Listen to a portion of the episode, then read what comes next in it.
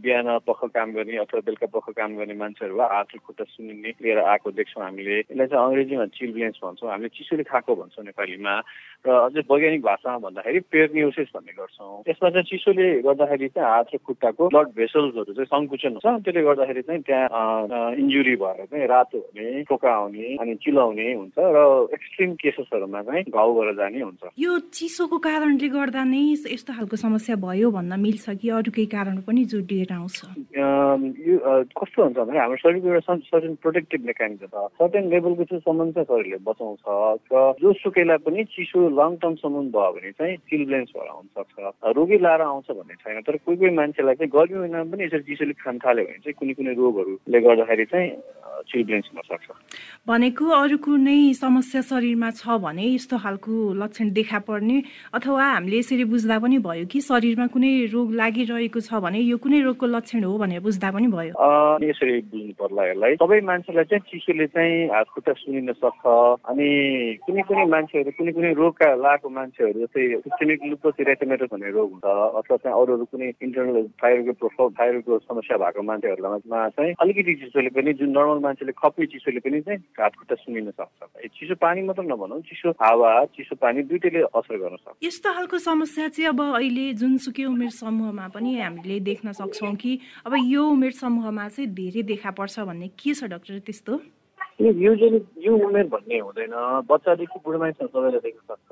र यसमा के हुन्छ भन्दाखेरि एक्सट्रिम टेम्परेचर त्यो भनेको चाहिँ धेरै चिसो भयो भने चाहिँ जुनसुकै उमेरको बच्चा अथवा चाहिँ बुढो मान्छेमा पनि देखिन सक्छ।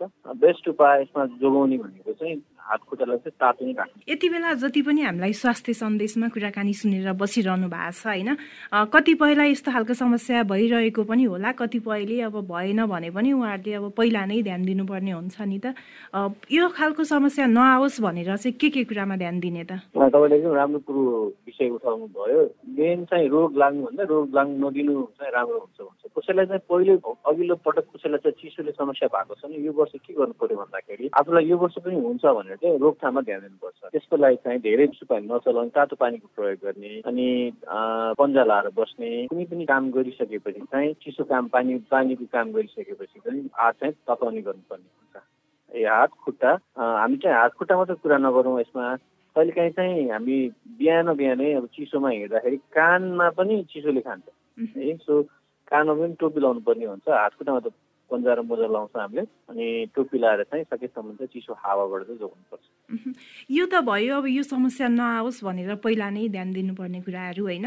अब जति पनि यो समस्या देखि जतिलाई पनि यो समस्या देखिसकेका छ भनौँ न उहाँहरूले चाहिँ अब के के कुरामा ध्यान दिने अब उहाँहरूले के के कुरामा ध्यान दिनु भएन भने चाहिँ झन् पछि समस्या ठुलो हुन्छ। सबैलाई चाहिने चाहिने कुरो हो यो।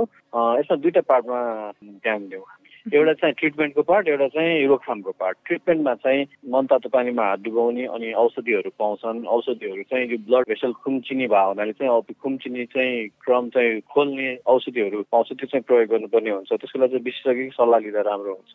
रोकथामको लागि चाहिँ कुनै पनि काम गरिसके चिसोमा काम गरिसकेपछि मनतातो पानीमा चाहिँ हात डुबाउने आगोमा हात सेक्ने त्यसपछि पन्जा लाएर बस्ने त्यसो गर्दाखेरि रोकथाम हुन्छ।